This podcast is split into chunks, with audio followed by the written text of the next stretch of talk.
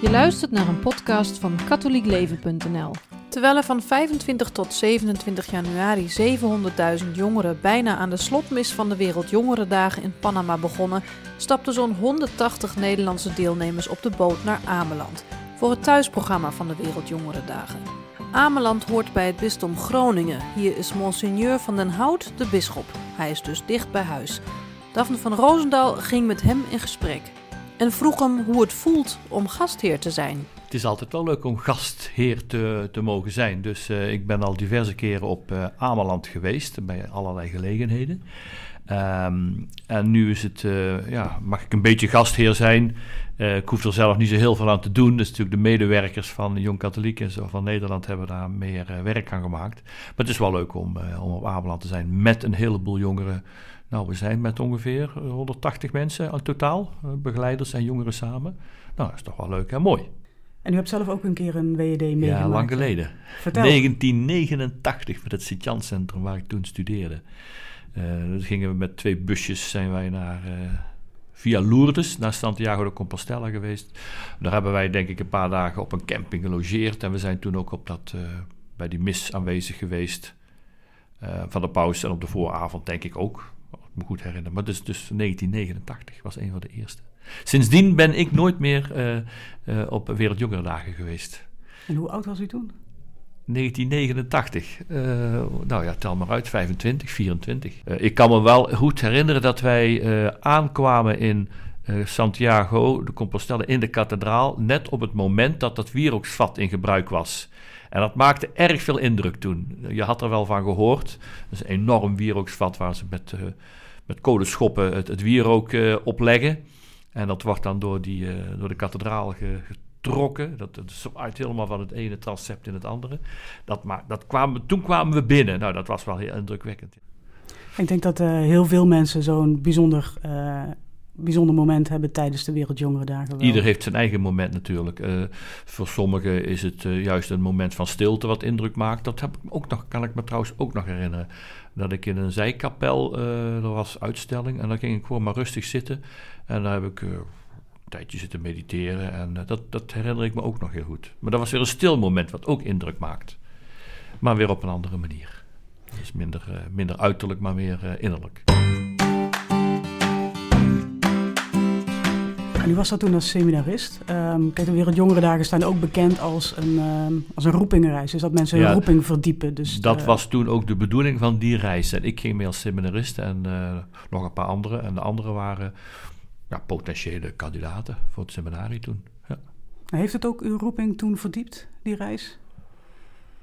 Dat kan ik niet precies zeggen, maar het heeft in ieder geval niet mij ervan afgebracht. dat zou het zijn. dat is, zo heeft het niet uitgewerkt. Ja. Nee. nee, want je hoort de, de roepingenreis in, ook in brede zin. Dus dat uh, um, ook dat mensen. Um, dus soms dat, dat uh, mensen een priesterroeping of een religieuze roeping ja. uh, ontdekken. of dat ze die verdiepen. Um, of dat mensen elkaar tegenkomen en een relatie beginnen. Of ja. huwelijksparen. Die, ja. je is, ziet het op dit weekend. Een, ja. Het is een ontmoetingsplek ook. Ja. Dat is goed. Dat is goed. Ja. Ook een menselijke ontmoeting en zo vindt ook plaats. En je ziet het op dit weekend ook, want er, zijn, uh, er is een jong echtpaar met een klein kindje, babytje nog. Die, die, heb ik vanmorgen gezien bij het ontbijt, ja. Nou, die hebben elkaar getroffen. WD Ameland. Uh, zon, zee, strand. Het is gelukkig niet zo koud als Toen we van ik gisteren tevoren. op de boot stapte, dacht ik... wie heeft het toch verzonnen om in januari naar Ameland te gaan? Met alle ijs en sneeuw en ijzel. Er zijn dus veel mensen die allerlei problemen hebben gehad... om in Holweg te kunnen komen, uh, de boot te kunnen halen. En vanmorgen hebben we toch flink door de, of gisteravond door de straten geslibberd over het ijs om van de ene plaats naar de andere te komen. Dus, uh, dus het is bijna net zo'n groot avontuur als Panama. Uh, volgens mij wel.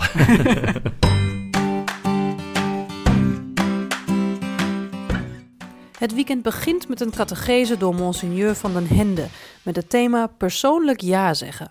Het gaat niet alleen om het individu, maar om samen zijn. Want in onze maatschappij hebben we soms wel de neiging om onszelf erg op te kloppen en zo. En uh, de wereld draait om ons en om mij. Maar je moet dat wel een beetje relativeren. Andere mensen hebben hetzelfde, zal ik maar zeggen. Dus iedereen moet zijn plek. Iedereen is uniek. Dus samen ben je dan nog een gemeenschap. Ik vond het wel een goed punt dat hij dat aanhaalde. En je merkt ook dat uh, jongeren, dat, dat, dat, hoor je, dat jongeren juist hier ook naartoe komen uh, om samen te zijn. Ja, ik denk dat het belangrijk is dat jongeren elkaar ontmoeten. Ik kan mij nog heel goed herinneren toen ik op zoek ging naar uh, een opleiding om priester te worden. Uh, wat de rector zei en uh, over de opleiding, hoe dat in elkaar zat en zo, dat vond ik niet interessant. Ik denk dat zal wel goed zitten. Maar ik vond het vooral interessant, wie zijn die andere studenten waarmee ik straks te maken krijg? Zijn dat, nou ja, zal ik maar zeggen, ook gewone jongens, zoals ik denk dat ik ben? Dat vond ik veel belangrijker voor mijn gevoel dan hoe die opleiding dan in elkaar zat. Ik denk, dat geloof ik wel, dat zal wel goed zijn. Dus het sociale en, en met wie ben je samen en met wie trek je op is natuurlijk ook voor mensen die uh, hun levensbestemming gaan zoeken. En dit zijn allemaal jonge mensen, zo nou, ergens in de 20, 30, begin 30. Uh, ja, met wie wil ik door het leven? Hoe ga ik door het leven? Dan speelt dat een grote rol, denk ik. Ja. En dan heeft men elkaar nodig om te ontmoeten en het van elkaar te leren. En, uh, ja. Speelt er ook een rol in dat steeds minder mensen kerkelijk zijn? Dus dat mensen die, jongere mensen die gelovig zijn, vaak ook in het dagelijks leven dat. dat ja, dat toch wel alleen in staan op werk of op, op dat, school? Dat zou kunnen. Ik denk dat elke tijd heeft het wel gehad. Vroeger gingen jonge mensen gingen naar een bedevaartsplaats, maar daar trof men andere jonge mensen. Ja, zo ging het toch. Net, net als op de kermis trof je ook anderen op uit uitgaan. Zo waren ook bedevaartsplaatsen. Nou, dan wist je een beetje dat het ook katholiek was en zo. Als je daar wat, uh, wat belang aan hechtte, van ik wil graag met iemand door het leven met wie ik ook het geloof dat kan delen. Als je daar een beetje bewust in staat, zijn zulke uh, jongere weekenden of uh, wereldjongerendagen zijn ook niet onbelangrijk. Ja. En u probeert in uw bisdom ook mensen bij elkaar te brengen. Ik ja. begreep dat u ook een... We hebben een jongerenplatform. We moeten weer eens een beetje nieuw een nieuwe input gaan geven. Maar ik vind het belangrijk dat jongeren elkaar bisdombreed elkaar treffen. Die groepjes zijn niet groot. Dus wat we daar op, op niveau aan kunnen doen, is toch wel belangrijk, denk ik. Ja. En ook een gezinstour heeft u? Ik ben met een family tour begonnen. Dus dan probeer ik gezinnen bij elkaar te brengen rondom de zondagse Eucharistieviering. Uh, die nodig ik dan uit, de, de, gezinnen. En na de mis is er dan iets van nou, catechese, dialoog over een bepaald thema... wat kerk en gezin en familie raakt. Kinderen worden ook bezig gehouden door iemand anders. En dan... Uh, ja, probeer ik met, met gezinnen in contact te komen en gezinnen met elkaar in contact te brengen. Nou, het is een heel pril initiatief. Ik weet niet hoe het precies gaat uitpakken, maar uh, ik heb nog twee keer te gaan. Die staan nu op het programma nog in uh, Groningen en in Oosterwolde. Nou, we zullen zien hoe dat uh, kan worden doorgezet. Ja.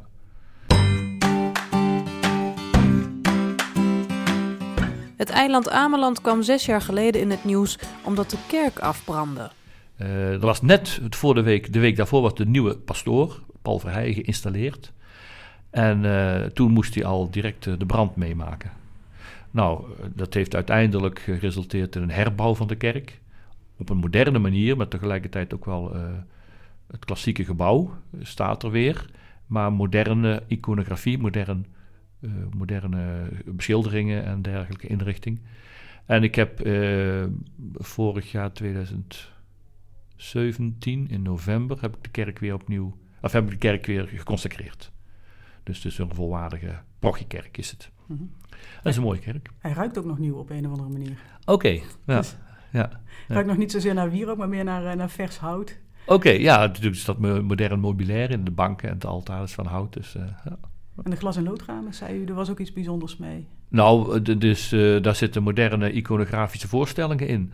Uh, ook bijvoorbeeld Johannes Paulus II is daar, staat erin afgebeeld, samen met moeder Teresa. Titus Brandsma is erin afgebeeld. De Dwaze Moeders in Argentinië.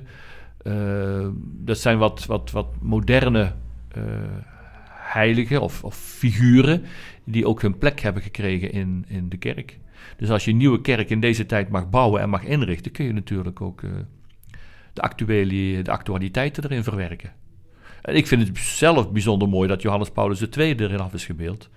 Omdat hij in Nederland denk ik wat ondergewaardeerd is, terwijl het een grote paus is.